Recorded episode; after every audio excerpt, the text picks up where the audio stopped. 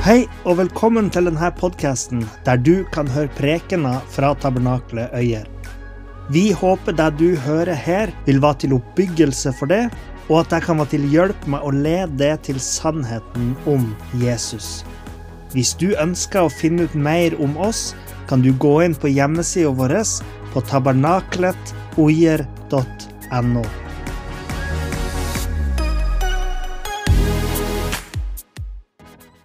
For dere som ikke vet det, så har vi eh, i høst eh, noen søndager holdt på med en eh, prekenserie som handler om Filippe-brevet, som vi kaller for menigheten i Filippi. Der vi ser på dette brevet som Paulus skrev til menigheten der i Filippi, og ser på hvordan det er relevant for vårt liv i dag. Det er lurt å finne fram Bibelen. Det er bra. Um, og det er jo sånn at Bibelen, selv om den er gammel, så er den ikke utdatert. Eh, og selv om eh, Filipperbrevet, den spesifikke boka, er skrevet til en menighet i eh, Filippi, så betyr det ikke at det som står der, er irrelevant for oss. Bibelen er nemlig Guds ord. Det vil si at den, det er levende og det er sant, det som står der. Og Derfor er Bibelen hellig.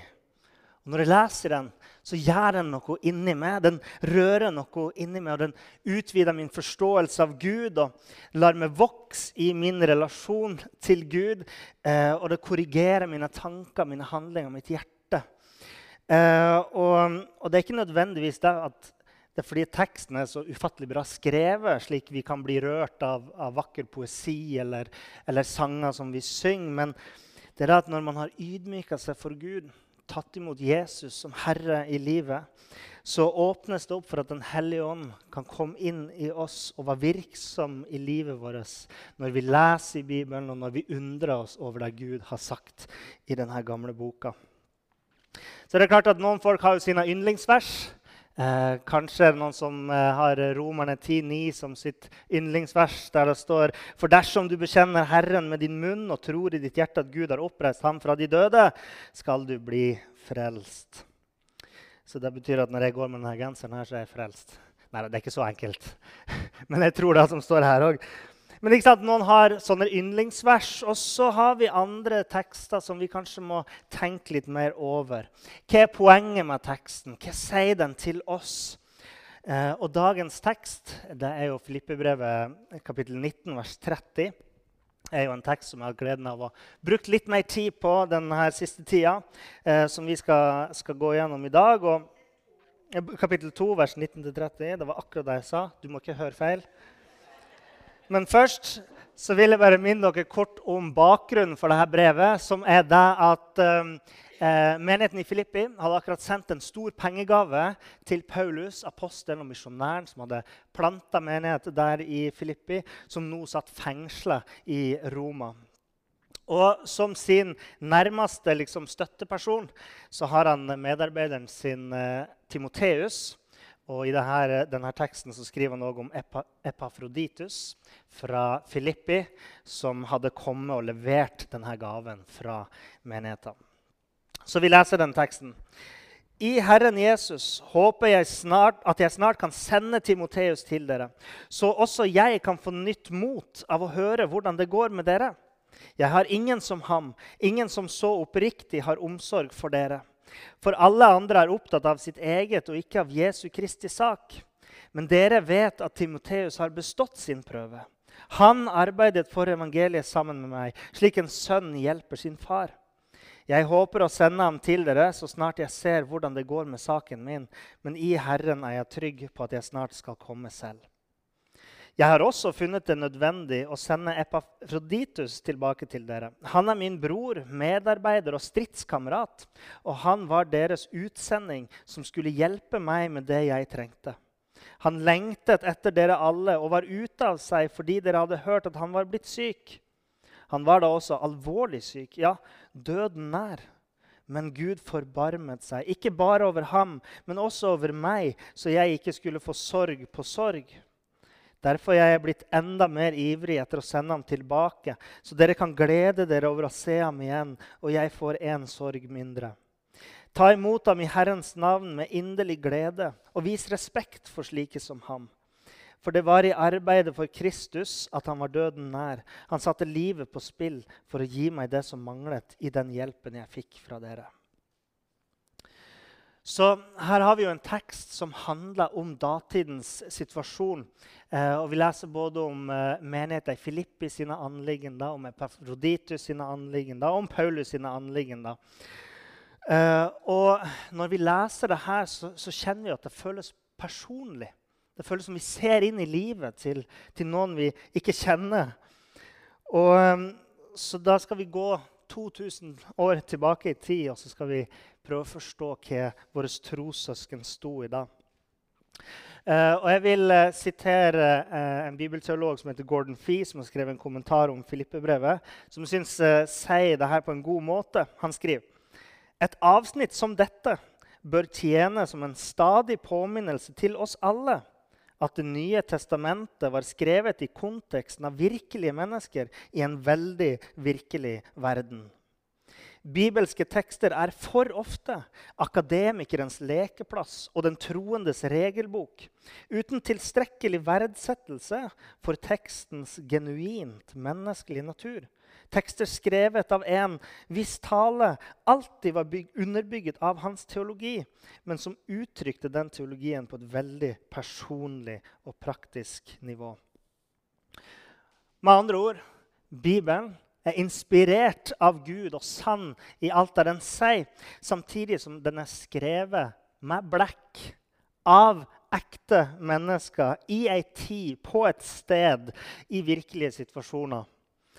Og I denne teksten så ser vi både hvordan Paulus anvender sin teologi i praksis, samtidig som vi ser at han drar fram eksempler på liv som er levd i, i, i tråd med sunn og bibelsk lære, som kan være til undervisning for oss. Så la oss zoome litt ut fra denne teksten, og så ser vi litt på sammenhengen fra resten av brevet. Fordi et, sammen, et gjennomgående tema i Filippebrevet er jo at man er i Kristus. Eh, og I kapittel 2 her så begynner jo Paulus med det her at eh, vi skal ha Kristi sinn. Som troende, som tror på Jesus, har han som herre og frelser. Så skal vi ha Kristi sinn. Vi skal ha den samme ydmykheten som han hadde. Han som ga avkall på sitt eget, som ble menneske, som døde for oss. Så Paulus han, han, presenterer teologien. ikke sant? At Kristus er vårt forbilde. Vi skal se til han. Og, og når det gjelder Kristus sin underdanighet, sin lydighet, sin kjærlighet, sin barmhjertighet, sin trofasthet, eh, hans uh, ufattelige sjøloppofrelse og hans gudsfrykt. Og så Etterpå så kommer han til det Kåre talte om forrige søndag, nemlig at vi må gjøre det vi har lært av Kristus. Altså, teologien må settes ut i praksis. Og så, eh, så skriver jo Paulus sant, i, i kapittel 2 arbeid på deres egen frelse. Vil Guds gode vilje i deres liv. Virk Guds gode vilje i deres liv. Um, gjør alle ting uten klager uten innvendinger. Og, og, Han skriver at vi skal skinne som strålende lys i verden. Og han sier at vi skal være glad i alt vi gjør. Så det vil si at den sannheten som strømmer ut fra Jesu liv og virke, skal ha praktiske implikasjoner på oss. Og deretter, så Han går fra teologien, og så, og så sier han praktiser teologien, og så kommer han til de her eksemplene på personer som har gjort nettopp det her. Som har latt teologien bli satt ut i praksis i sine liv. Og da drar han fram Timoteus og Epafroditus, og til slutt så drar han fram seg sjøl i kapittel 3. Og så I kapittel 3 kommer han til vers 17, der han skriver Søsken, Vær mine etterfølgere, og legg merke til dem som vandrer slik, ettersom dere har oss som forbilde.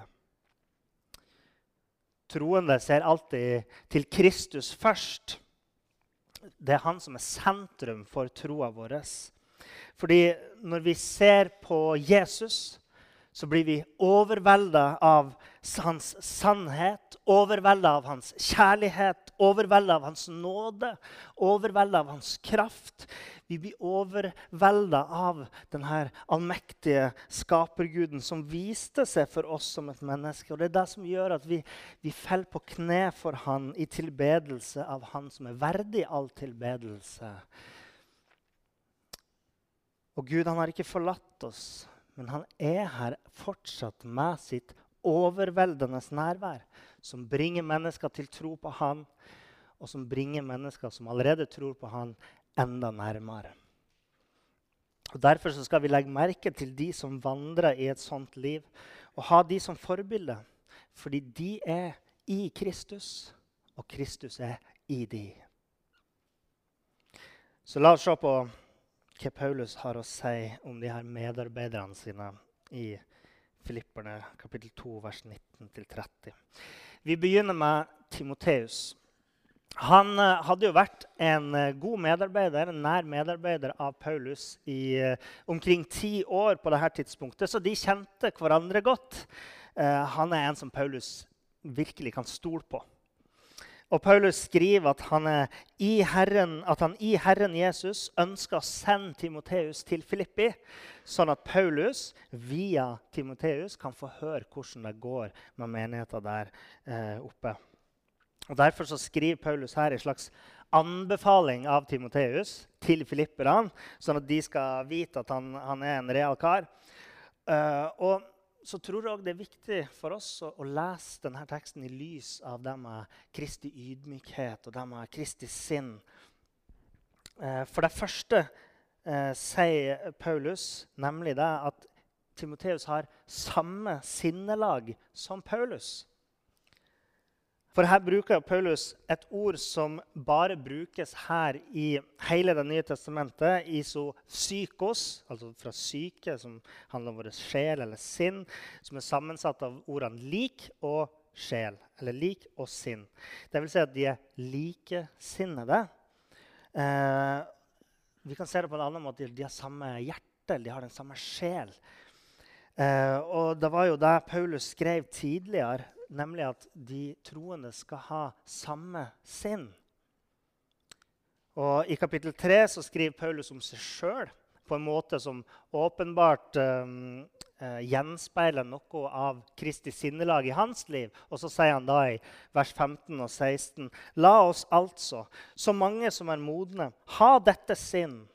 Og hvis dere tenker annerledes i noe, skal Gud også åpenbare dette for dere. La oss bare, så langt vi har kommet, fortsette i samme sinnelag.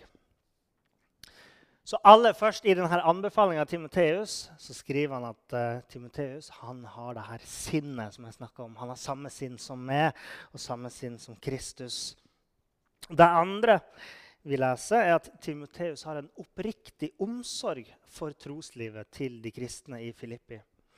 Eh, det er jo òg et kjennetegn ved Kristi ydmyke sinn, eh, nemlig en omsorg for andre enn seg sjøl. Eh, og Timoteus sin omsorg stilles òg i kontrast til det han skriver i vers 21. De som søker sitt eget, ikke de ting som hører Kristus, Jesus, til. Med andre ord Filipperne kan være sikre på at Timoteus vil det beste for dem. Han søker ikke sitt eget, han søker det som er best for dem. Så de vet jo allerede det. Fordi Paulus han hadde vært i Filippi, han, han grunnla menigheten. De kjenner han, og de vet at han har en dyp kjærlighet og omsorg for dem. Så Paulus han forsikrer dem at vet dere, Timoteus han har den samme dype omsorgen for dere. Han er like prega av Guds kjærlighet som det er det neste er at Timoteus har en prøva tro. Eh, det betyr at som en troende kristen så hadde Timoteus vært igjennom mange ting, vanskelige ting, der han likevel hadde holdt fast på sin overbevisning, sin tro, sin tillit til Gud gjennom alle de tingene. Eh, det står i, i vers 22.: Men dere kjenner hans prøvede troskap. Vi kan jo lese om Timoteus' andreplass i Nytestamentet, sånn som fra Apostelens gjerning kapittel 16 og utover. Og Der ser vi jo at Timoteus han hadde også kjent på kroppen hva det vil si å ha Jesus som herre. Og Nå sto Timoteus fortsatt ved Paulus' i side, selv om Paulus, den som hadde inspirert Timoteus til å bli med på misjonsreise, han satt i fengsel nå. Men der var Timoteus fortsatt ved hans side som en trofast tjener, en som ikke ga slipp på livet i Kristus, sjøl om han ville møte motstand for det. Og grunnen til at Timoteus hadde ei prøve av tro, var at han var en tjenende etterfølger. Paulus skriver at han tjente evangeliets sak sammen med meg, som en sønn hjelper sin far. Uh, og det her ordet for tjener her, som, eller tjente, dueluo, som blir oversatt med å tjene, er jo verbformen av et uh, lignende ord, dulos, som betyr tjener eller slave.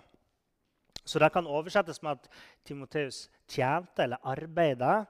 Men det kan òg uh, oversettes med et så sterkt uttrykk som at han slava for evangeliets sak.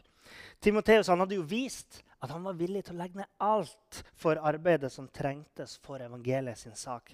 Og han var en slave for evangeliet, eller som Paulus ville sagt, en slave for Kristus.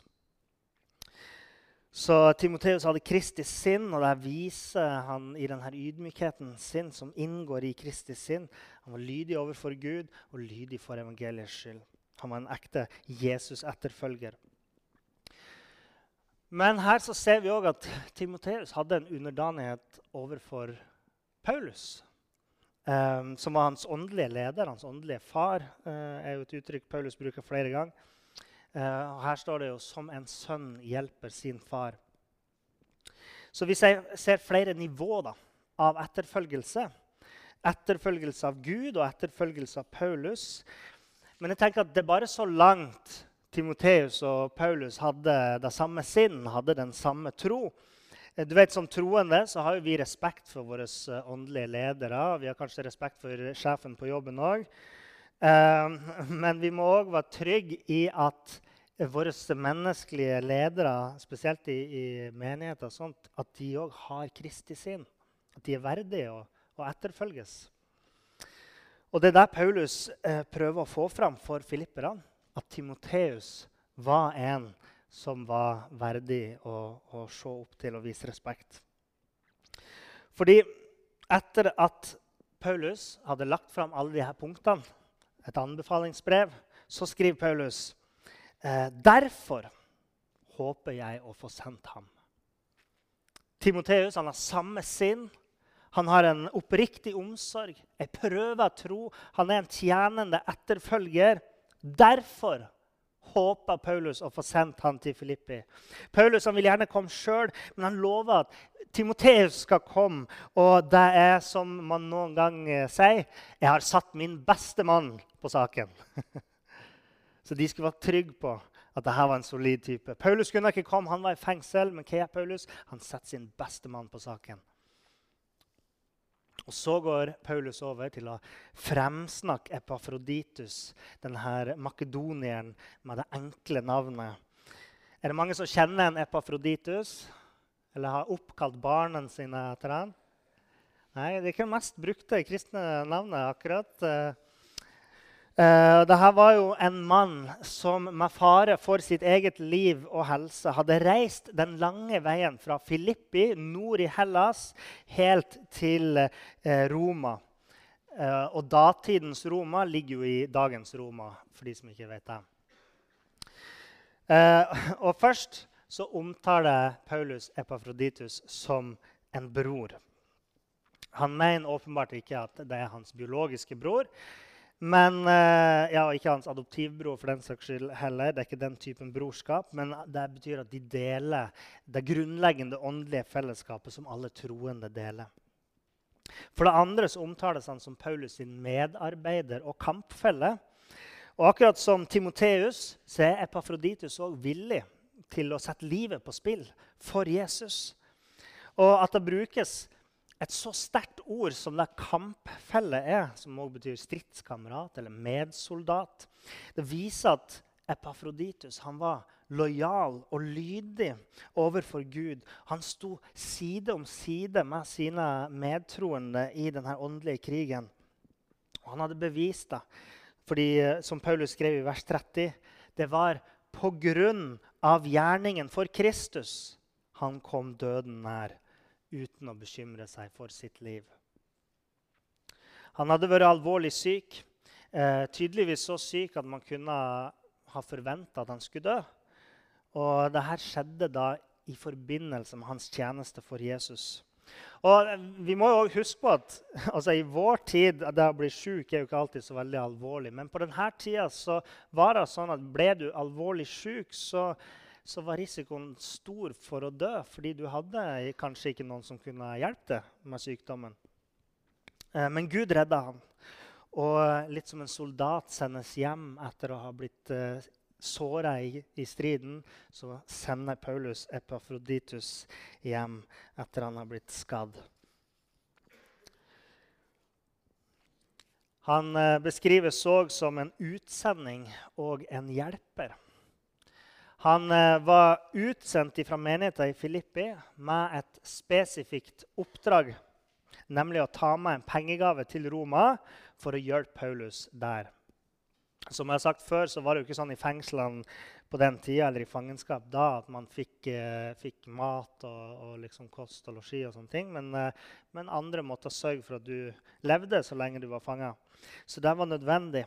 Og det ser ut som at ideen var at Epafroditus ikke bare skulle ta med seg gaven og stikke hjem igjen, men at han skulle ta med seg gaven og bli der så lenge Paulus hadde bruk for han. Han var en hjelper for Paulus. Og, og, Kanskje det er derfor at Paulus må skrive det her om Epafroditus til filipperne. Sånn at ikke de trodde at når Epafroditus kom hjem, så var det fordi han hadde svikta oppdraget som de hadde sendt ham på. Han skulle jo være der og passe på Paulus. og Derfor skriver Paulus det her. Når de fikk brevet, så skjønte de jo hvorfor Paulus hadde sendt ham tilbake igjen. Så han blir sendt ut fra Filippi, og nå skjer den andre utsendinga nemlig at Paulus sender ham tilbake til Filippi for menighetens skyld, men òg for Epafroditus' skyld og for Paulus' skyld. Så har man utsending, eh, ikke helt på samme måte som Timoteus, men på det samme generelle grunnoppdraget som vi alle kristne har, nemlig å kjempe for evangeliet sin sak. Så har man utsending og en hjelper. Og Det tar vi til det neste punktet, som er at han var villig han var villig til å gå. Når menigheten sendte han sant, 100 mil til fots til Roma, så var han villig til å gå. Når Paulus sier nå kan du dra hjem igjen, så er han villig til å gå. Og Han viser en, en villighet til å være lydig mot det som er Guds plan. Han går ikke bort fra det som er godt, men han står i det sjøl om det koster han masse.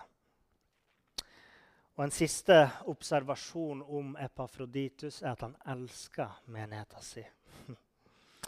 Um, det er ikke mye vi vet om han, men uh, jeg tror at han hadde et godt hjerte. Paulus skriver at han lengta etter menigheten sin. I vers 26 så står det siden han lengtet etter dere alle og var bekymret fordi dere hadde hørt at han var syk. Det var ikke en vanlig hjemlengsel, men han, han lengta etter de, han lengta etter menigheten sin, de troende i Filippi. Og det var ikke bare lengsel, men kanskje på en enda dypere måte enn Timoteus sin omsorg for filipperne, så står det at Epafroditius var bekymra fordi han visste at menigheten hadde hørt at han var syk. Budet om sykdommen hadde altså nådd Filippi, men ikke da at han hadde blitt frisk. Så kanskje trodde menigheten det verste. Kanskje sørga de fordi de trodde at nå er han sikkert død. Og tanken på det her bekymra han. Det gjorde at han var helt ute av seg. Han orka ikke tanken på at de skulle gå rundt og være redd for at noe hadde skjedd med han. Det var et sånn hjertesukk for han som man kjenner når man eh, vet at noen man er glad i, har det vondt. Han elska sine brødre og søstre der hjemme. Så Paulus ville la han slippe å bekymre seg mer, og han sender han hjem. Uh, og Paulus, han, han, som kjenner denne situasjonen, han uh, vet at dette vil også være til glede til oppmuntring for filipperne der hjemme. Og når at uh, Paulus får dette ut av verden, så er det ei mindre bekymring for han òg. Og så minner han dem til slutt om at sånne medarbeidere som filipperne hadde i Epafroditus, skulle de glede seg over og gi den ære som de fortjener. Så det var litt om de her to, eh, de her to medarbeiderne hans. Og hva kan vi lære? Hva kan vi lære av de her? Jo, det er jo som jeg sa, Timoteus og Epafroditus eksemplifiserte hvordan det ser ut når Jesus' etterfølgere har det her Kristi sinn. Ingen av oss kjenner de her to. Men kanskje du kjenner litt sånn som meg, at, at man kjenner at de her har samme sinn som oss. De var ekte mennesker. De kjempa for det samme målet som den kristne kirka kjemper for i dag over hele verden. Og Paulus han skriver at vi skal legge merke til sånne. Vi skal legge merke til de her menneskene, for de er våre forbilder. De gikk foran oss, Timoteus og Epafroditus, sånn at kristne til alle tider kan lære av deres liv. De lærer oss hvordan det ser ut å ha Kristi sinn, som leder oss til oppriktig omsorg for hverandre eh, i en tro som holder ut i forfølgelser, og som gjør oss til eh, tjenende etterfølgere. Og det er et sinn der vi ser på andre troende som en familie. Åndelige brødre og søstre, der vi bygger hverandre opp som trofaste medarbeidere, kampfeller, uh, lydige utsendinger som, uh, som uh, går på det som Gud kaller oss til. Og det er et sinn som hjelper oss til å elske menigheten vår som Kristi egen kropp i verden. Og Jeg vil si dere en ting. Jeg jobba med denne teksten, og jeg følte at Gud hjelper å, å liksom åpne øynene mine på et punkt. Fordi at når jeg begynte Dette er jo kanskje en tekst som du, man leser litt fort igjennom. Eller du gjør ikke det, fordi du er, er mye mer sånn, uh, flink til å studere Bibelen enn jeg er. Men jeg kan ha en tendens til å lese litt fort igjennom. For, for man føler liksom at ok, han skriver litt om Timoteus og Epafroditus, det er ikke så viktig for meg. Eh, så man leser kanskje fort igjennom uten å tenke over at sjøl med de her få ordene om de her relativt ukjente personene, så ønsker Gud å si oss noe viktig. Gud han kaller oss til å leve og tenke og elske som Jesus gjorde. Og Paulus visste det, og derfor så starta han med å peke på Jesus. Han begynner med å peke på Jesus. Alt har sitt utspring i han. Vi er i Kristus. Og så utfordres vi, akkurat som filipperne ble utfordra, til å skinne som strålende lys i verden på den måten at vi holder fram livets ord, skriver Paulus. Jesus også sa til disiplene sine dere er verdens lys. Og når du tenker at det er kanskje uoppnåelig for meg å være som Jesus, så hører du om Timoteus og Epafroditus, som levde sine liv for 2000 år siden. Og på sine måter så levde de her ekte menneskene eh, liksom de levde ut Kristi sinn. Og de er blant våre forbilder for det. Så det betyr ikke at vi nødvendigvis kommer til å oppleve liksom en fullkommen eh, helliggjørelse eller å leve et perfekt, perfekt liv med hvert et åndedrett vi tar, sånn som Jesus gjorde. Men det betyr at det er mulig for oss å leve et liv som er verdig Guds barn.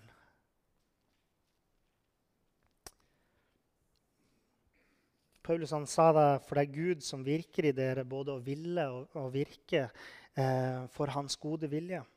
Paulus han begynner jo brevet her med å si i, i kapittel 1, vers 6.: Han som har begynt den gode gjerning i dere, vil fullføre den inntil Jesu Kristi dag.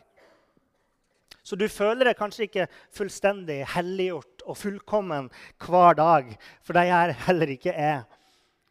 Men det er da du trenger å holde fast på din tro på Gud.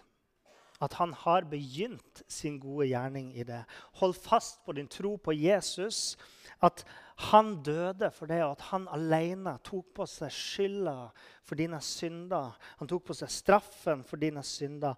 Og troen på at så sant som at Jesus ble reist opp fra de døde, så vil Gud fullføre sin gode gjerning i det og la det arve evig liv.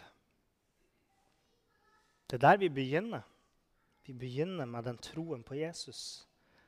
Og så kan vi se på andre medtroende, hvordan de har levd, og se at det er mulig å leve et liv som er verdig oss som kaller oss Guds barn. Så de her tjenende Jesus-etterfølgerne holdes fram som mennesker, akkurat som meg og det, som i tro hadde grepet Guds nåde til å leve forbilledlige liv. Skal vi be? Eh, Herre Far, eh, jeg takker deg for, for ditt ord, som, eh, som, er levende, som, som kan for, forandre liv. Far, jeg ber om at uh, du skal hjelpe oss å, å, ha ditt sinn og ha et samstemt sinn, Herre. Der vi ydmykt stiller oss fram for tjeneste for det. Du ser de som er her i dag, som uh, kanskje ikke vet helt hvor de står. Um, jeg bare ber om at du hjelper dem videre på sin vei, Herre, og leder dem til det.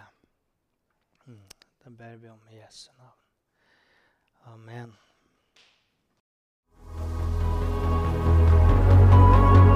Takk for at du hørte på. Hvis du tok et steg i tro i dag, eller du har noe du ønsker forbønn for, så vil vi gjerne høre ifra det via e-postadressen kontakt alfakrølltabernakletOier.no. Du er òg velkommen til våre ukentlige gudstjenester i menighetslokalet i Haugskutua 5 26 36 Øyer.